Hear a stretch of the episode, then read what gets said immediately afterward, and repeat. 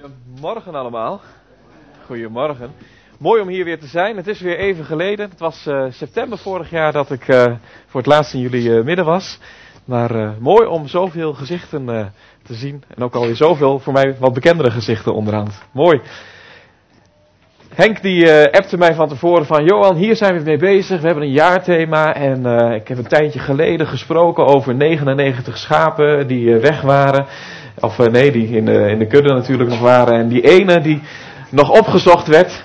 Nou ja, wie weet zijn er nog wel 99 die opgezocht moeten worden. Je weet het maar nooit. En dan is deze zaal veel te klein. En dan wordt hoog nodig. Uh, het is maar goed dat we dan maar één zondag hier zitten.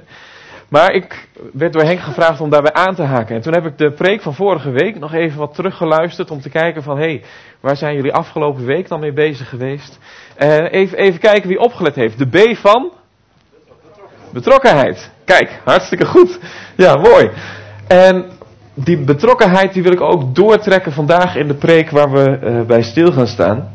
En ik wil met jullie gaan lezen in 2 Petrus hoofdstuk 1. Dus als je een Bijbel bij je hebt, uh, pak hem er vooral bij.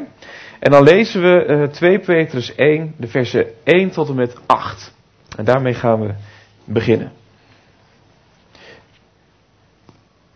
Simeon Petrus een dienstknecht en apostel van Jezus Christus, aan hen die een even kostbaar geloof ontvangen hebben als wij, door de gerechtigheid van onze God en zaligmaker Jezus Christus. Mogen genade en vrede voor u vermeerderd worden door de kennis van God en van Jezus onze Heer. Immers, zijn goddelijke kracht heeft ons alles geschonken wat tot het leven en de godsvrucht behoort, door de kennis van Hem die ons geroepen heeft, door Zijn heerlijkheid en Zijn deugd. Daardoor heeft Hij ons de grootste en kostbare belofte geschonken, dat u daardoor deel zou krijgen aan de goddelijke natuur, nadat u het verderf dat er door de begeerte in de wereld is, ontvlucht bent.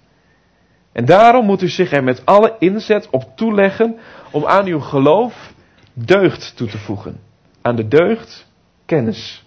Aan de kennis zelfbeheersing. Aan de zelfbeheersing volharding. Aan de volharding godsvrucht. Aan de godsvrucht broederliefde. En aan de broederliefde liefde voor iedereen. Want als deze dingen bij u aanwezig zijn en toenemen, zullen ze u niet doelloos en ontvruchtbaar laten wat de kennis van onze Heer Jezus Christus betreft. Tot zover deze tekst.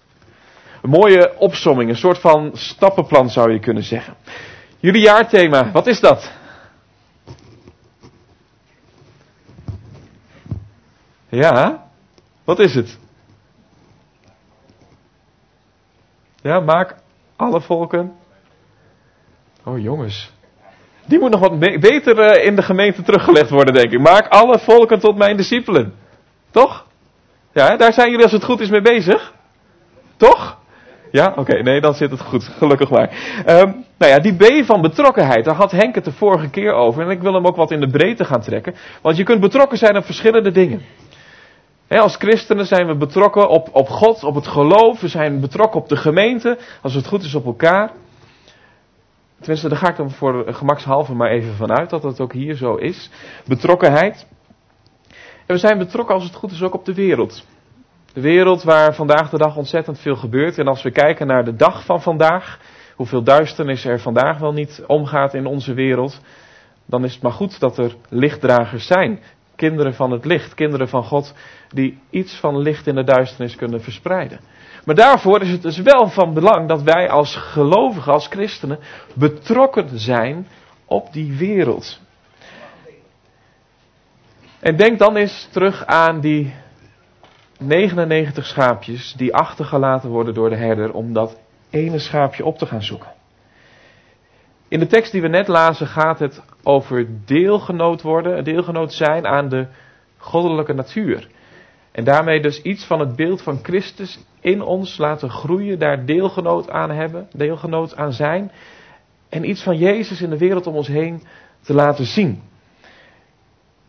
Het thema wat ik heb uitgekozen is samen goed doen. Samen goed doen.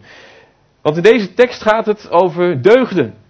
En het lijkt wel een soort van stappenplan wat Petrus ons voorhoudt van hoe moeten wij christen zijn, hoe moeten we discipels zijn van Jezus Christus in deze wereld. En het is als het ware een stappenplan.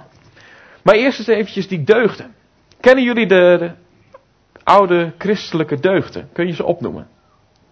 Ja, ik, ik hou van overhoringen, dat merk je al wel. maar er zijn christelijke deugden. En die beginnen eigenlijk met de klassieke Griekse deugden vanuit de filosofie. In mijn opleiding niet theologie, maar daarvoor social work, werd ik op een gegeven moment doodgegooid met de deugdenethiek van Aristoteles. Wie kent hem? Nou, er gaat één hand omhoog. Nou, fijn. die kan misschien een beetje mij, met me mee invoelen. Nou, ik werd er letterlijk mee doodgegooid. En ik had zoiets van, kerel, houd toch eens op met die deugdenethiek. Maar die Griekse klassieke deugdenethiek, die begint met verstandigheid. En misschien kun je, als ik deze heb genoemd, nog wel eentje opnoemen. Wat valt nog meer onder die deugden? Verstandigheid, zelfbeheersing, moed of standvastigheid. Betrouwbaarheid zou er ook onder kunnen vallen, ja zeker. Rechtvaardigheid. En dan heb je de vier Griekse deugden vanuit de klassieke Griekse filosofie. De christelijke ethiek voegt daar drie aan toe. Als ik drie zeg, misschien 1 Korinthe 13 opnoem, dan zijn dat geloof, hoop en liefde. En dan heb je de zeven deugden van de christelijke ethiek. Nou, Petrus die is hier ook bezig met deugden en hij spreekt en hij schrijft natuurlijk binnen een Griekse context. En je zou heel snel voorbij gaan aan het woordje deugd wat je vindt in het derde vers. Zijn deugd, Gods deugd. Maar voor de lezers van toen was dit een heel belangrijk woordje wat gelijk een belletje liet rinkelen. Want het Griekse woord wat daar staat is arete. En dat arete, dat woordje deugd, is niet zomaar een woordje, maar dat werd in de Griekse filosofie bedoeld om aan te tonen alle begerenswaarlijke karaktereigenschappen. Het hoogste streven, het maximaal haalbare, het mooiste qua karakter wat je maar kunt hebben. In dat ene woordje zit dat allemaal verscholen. En dan gaat het dus over God. En Petrus geeft daarmee aan, als het gaat over de mooiste karaktereigenschappen, dan moet je bij God zijn. Hij is de som van alle het goede. Hij is, het, hij is de som van alle begerenswaarlijke deugden, zou je kunnen zeggen. God somt het op. De deugd, het goede. Hij is het voorbeeld. En wat zien we dan in deze tekst? Het gaat hier allereerst over, Petrus die kondigt het aan, over de vermeerdering van genade en vrede in ons leven.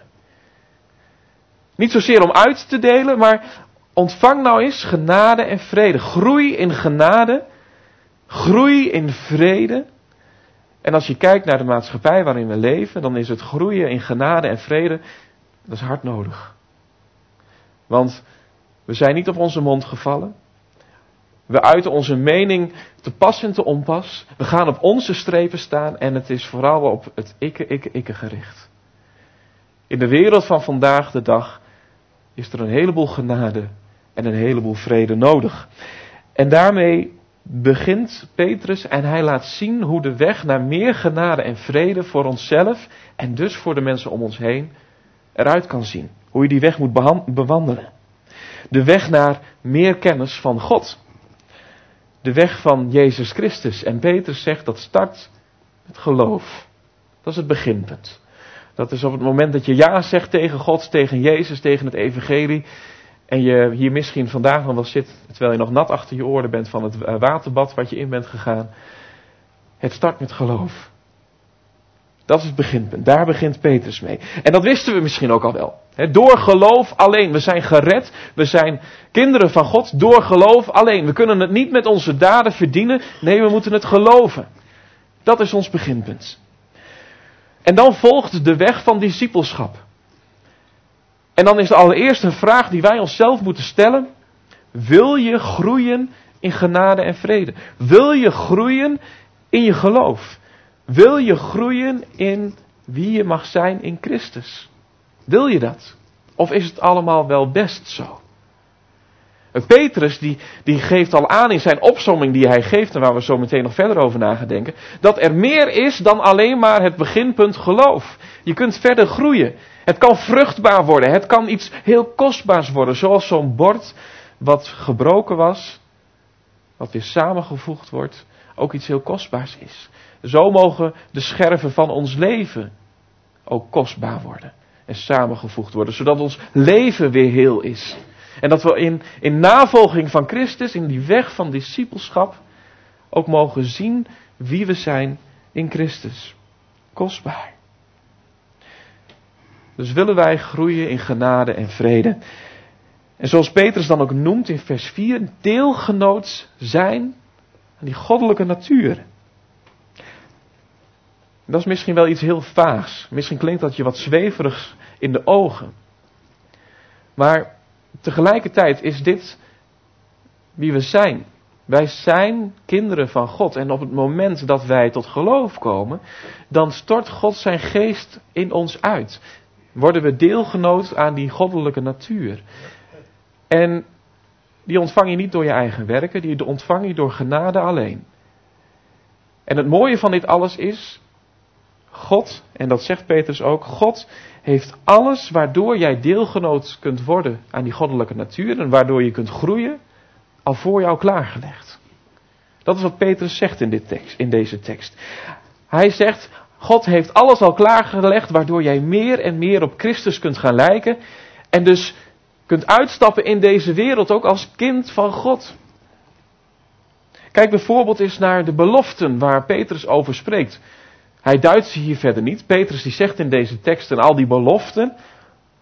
Maar wat zijn die beloften dan?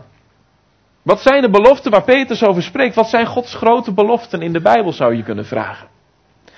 En dan zouden we allereerst ook eens terug kunnen gaan naar de preek van Petrus op de eerste Pinksterdag. Je vindt hem in Handelingen 2, vers 14. Lees hem thuis ook nog maar eens na.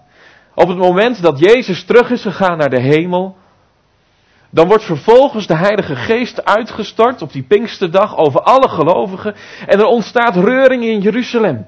En Petrus die, die gaat dan spreken, die gaat preken voor die duizenden mensen die bijeengekomen zijn en die zich afvragen, wat is hier nou gebeurd? En een van de belangrijkste beloften waar Petrus over spreekt, dat is dat Jezus Christus, hij gaat terugkomen. Dat is een belofte die God geeft in zijn woord. We mogen leven vanuit de verwachting, God heeft ons niet alleen gelaten, hij heeft zijn geest gegeven, totdat hij komt. Want Jezus Christus gaat terugkomen. Dat is een belofte die hij geeft, waar we ons aan vast mogen houden. En die andere beloftes die we nog meer mochten ontvangen, dat wij kinderen van God mogen zijn. Dat onze zonden vergeven worden, alles wat we verkeerd hebben gedaan.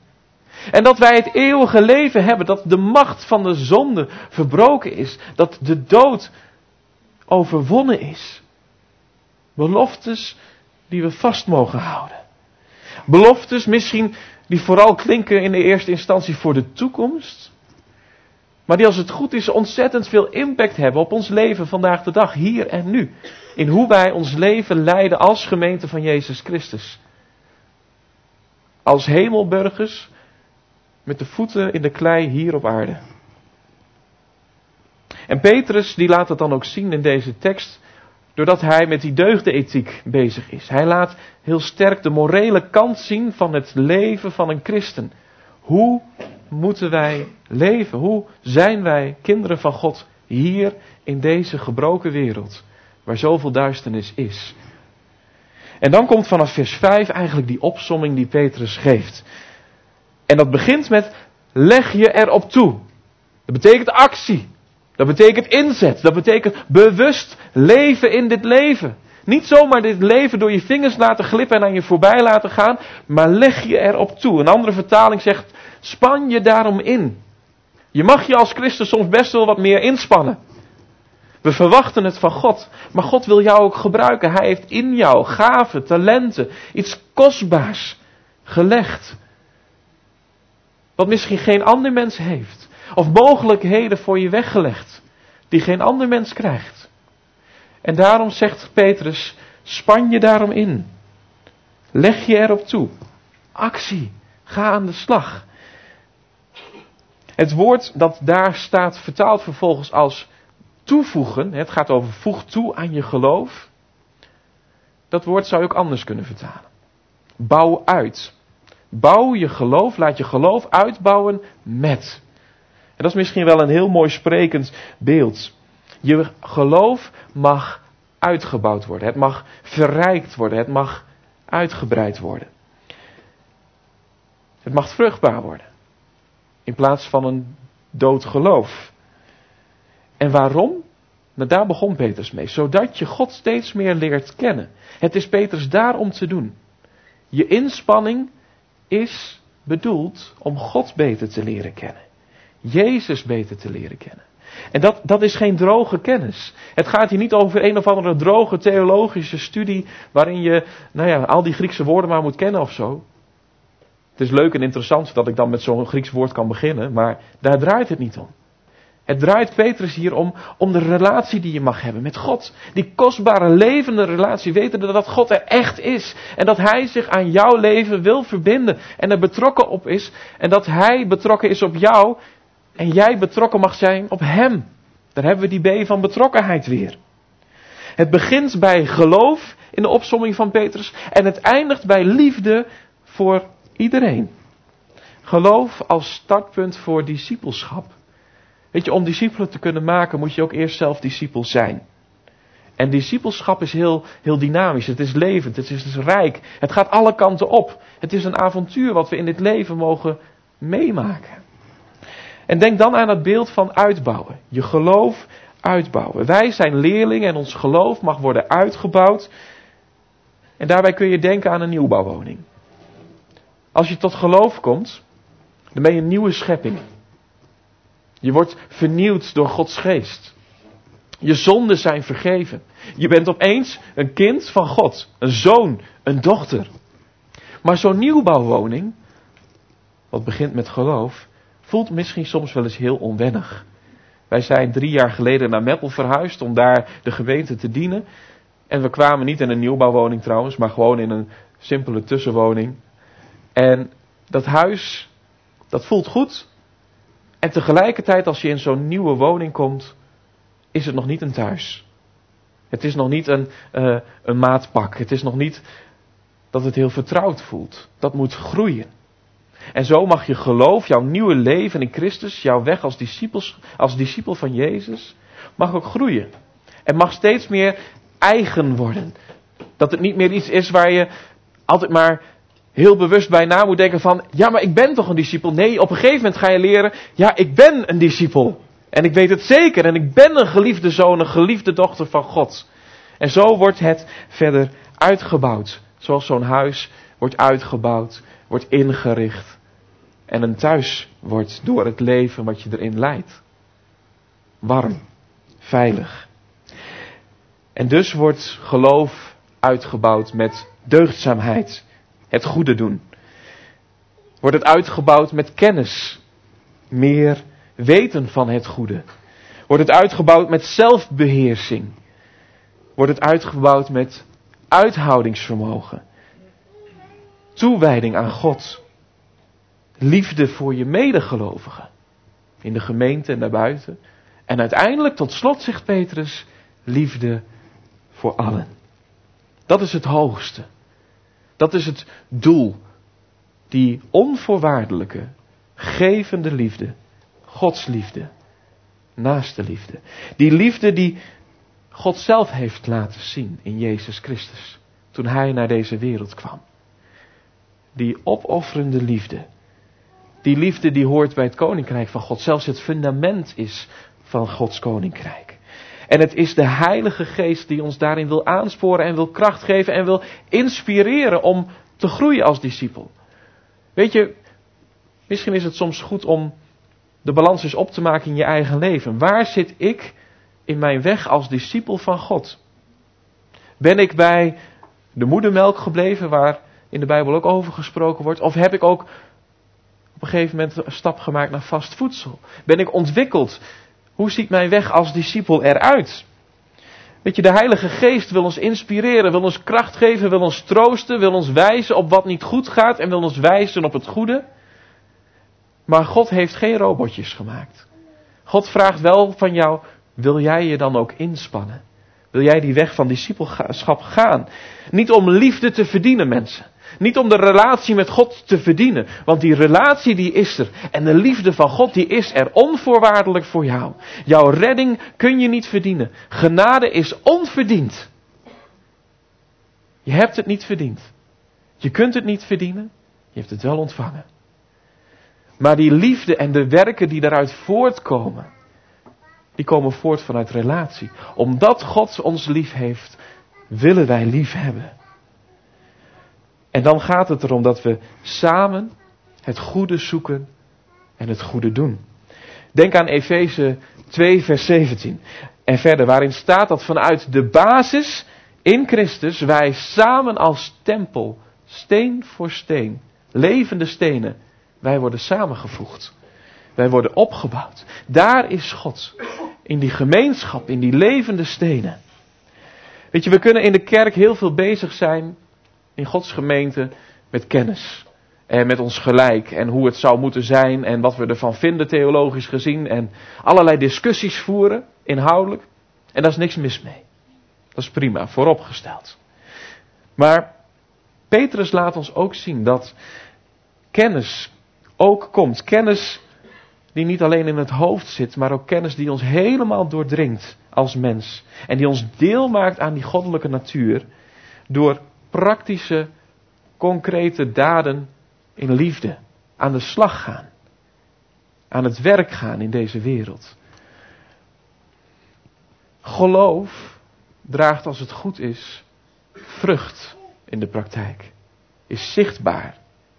Geloof zonder daden, zegt de Bijbel, is een dood geloof. Dus als het goed is, wordt zichtbaar in de wereld om ons heen dat wij geloven. En als voorbeeld van hoe dat functioneert, zou ik graag tien mensen naar voren willen vragen die niet bang zijn om dicht bij elkaar te komen. Tien mensen. Even een voorbeeld. Ik wil met jullie even een stukje demonstreren van hoe een vruchtbaar geloof, als het goed is, in de gemeente ook werkt. Aan de hand van Titus 2, vers 14. Ik lees de tekst voor. En als ik klaar ben met dit vers, dan ga ik ervan uit dat er hier tien mensen staan. En dan stop ik abrupt met de preken en dan uh, is het klaar. Zo. Nou, huppatee. Gewoon even een beetje strak.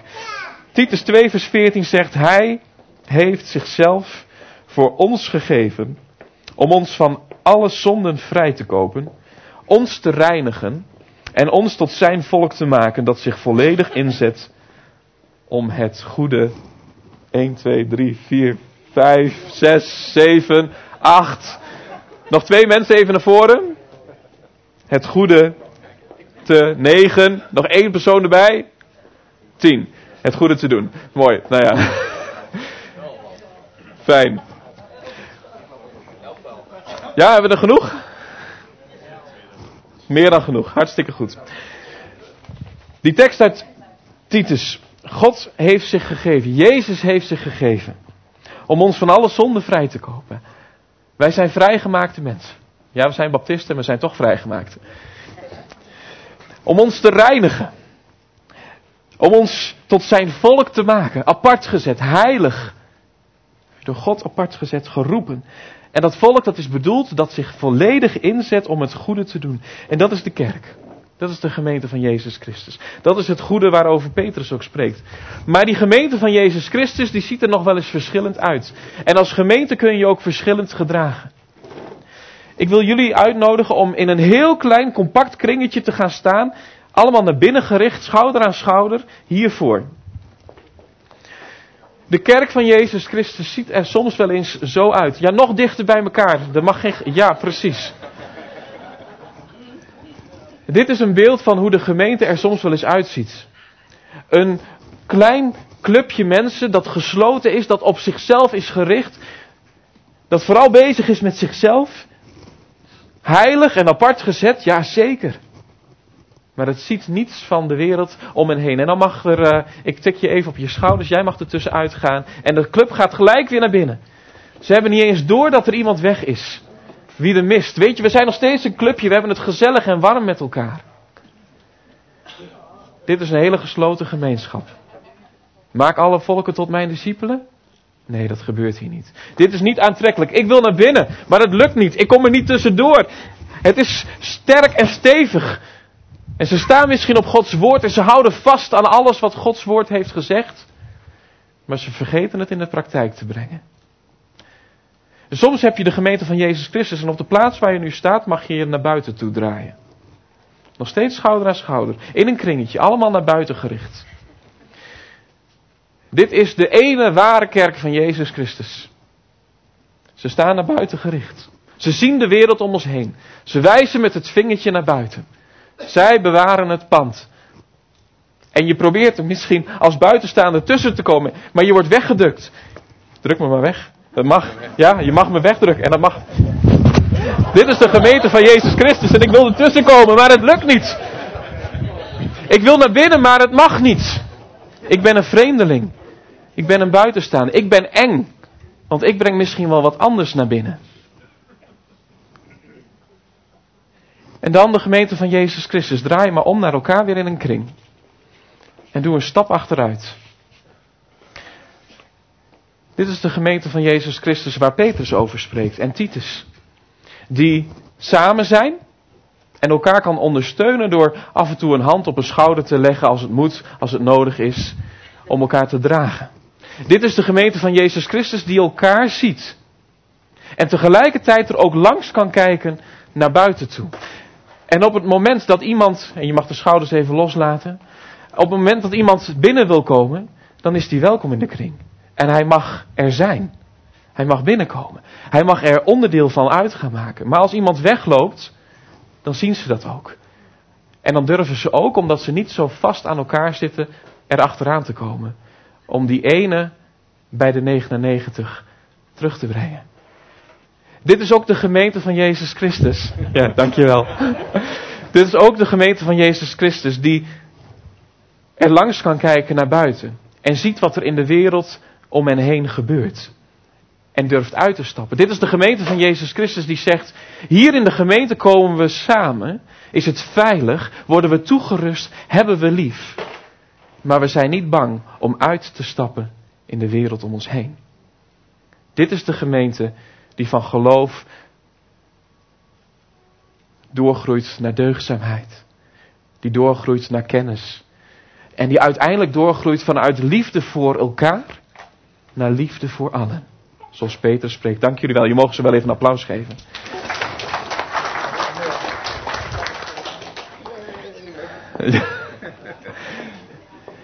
Maar dit is ook de gemeente van Jezus Christus die laat zien wie Jezus voor heel de mensheid wil zien, zijn. Namelijk een redder, een verlosser, een vriend. Ook heilig, apart gezet en vasthoudend aan Gods woord. Maar ook open, warm, zorgzaam en dienend. Dit is de kerk. En laten we dus niet bang zijn, mensen, om onderweg te zijn. Laten we niet bang zijn om naar buiten te stappen. Op anderen af te stappen. Want wij zijn samen onderweg naar een hoopvolle toekomst. En ik hoop dat we gemotiveerd zijn om vanuit het besef dat Jezus Christus terug gaat komen zoveel mogelijk mensen te bereiken met dit heilige, warme, liefdevolle evangelie. Laten we geen dooddoeners van het woord zijn, maar doeners. Ik wil afsluiten. En de tekst komt op de beamer te staan met de compilatie van een aantal Bijbelteksten waar ik een brief van heb gemaakt. De Bijbel is Gods liefdesbrief voor jou. En ik heb er een soort van samenvatting van gemaakt. En je kunt hem meelezen. Zo Zoals we net hebben gezien. Zoals we met elkaar hebben gelezen. Wat we hebben ervaren. Zo moet jullie licht schijnen voor de mensen. Zodat zij jullie goede daden kunnen zien. En eer bewijzen aan jullie Vader in de hemel. Wees goed voor elkaar. En vol medeleven. Vergeef elkaar zoals God u in Christus vergeven heeft. De vrucht van de geest is liefde vreugde en vrede, geduld, vriendelijkheid en goedheid. Geloof, zachtmoedigheid en zelfbeheersing. Er is geen wet die daar iets tegen heeft. Span daarom al uw krachten in, om uw geloof te verrijken, uit te bouwen met deugzaamheid. Uw deugzaamheid met kennis, uw kennis met zelfbeheersing, uw zelfbeheersing met volharding, uw volharding met vroomheid Uw vroomheid met liefde voor uw broeders en zusters. En uw liefde voor uw broeders en zusters met liefde voor allen. Laat uw liefde oprecht zijn. Verafschuw het kwaad en wees het goede toegedaan.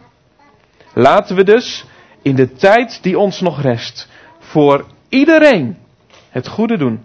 Vooral voor onze geloofsgenoten. God heeft de macht om u te overstelpen met al zijn gaven, zodat u altijd en in alle opzichten voldoende voor uzelf hebt en ook nog ruimschoots kunt bijdragen aan allerlei goed werk. Hij heeft zichzelf voor ons gegeven, om ons van alle zonde vrij te kopen, ons te reinigen en ons tot zijn volk te maken, dat zich volledig inzet om het goede te doen. Amen.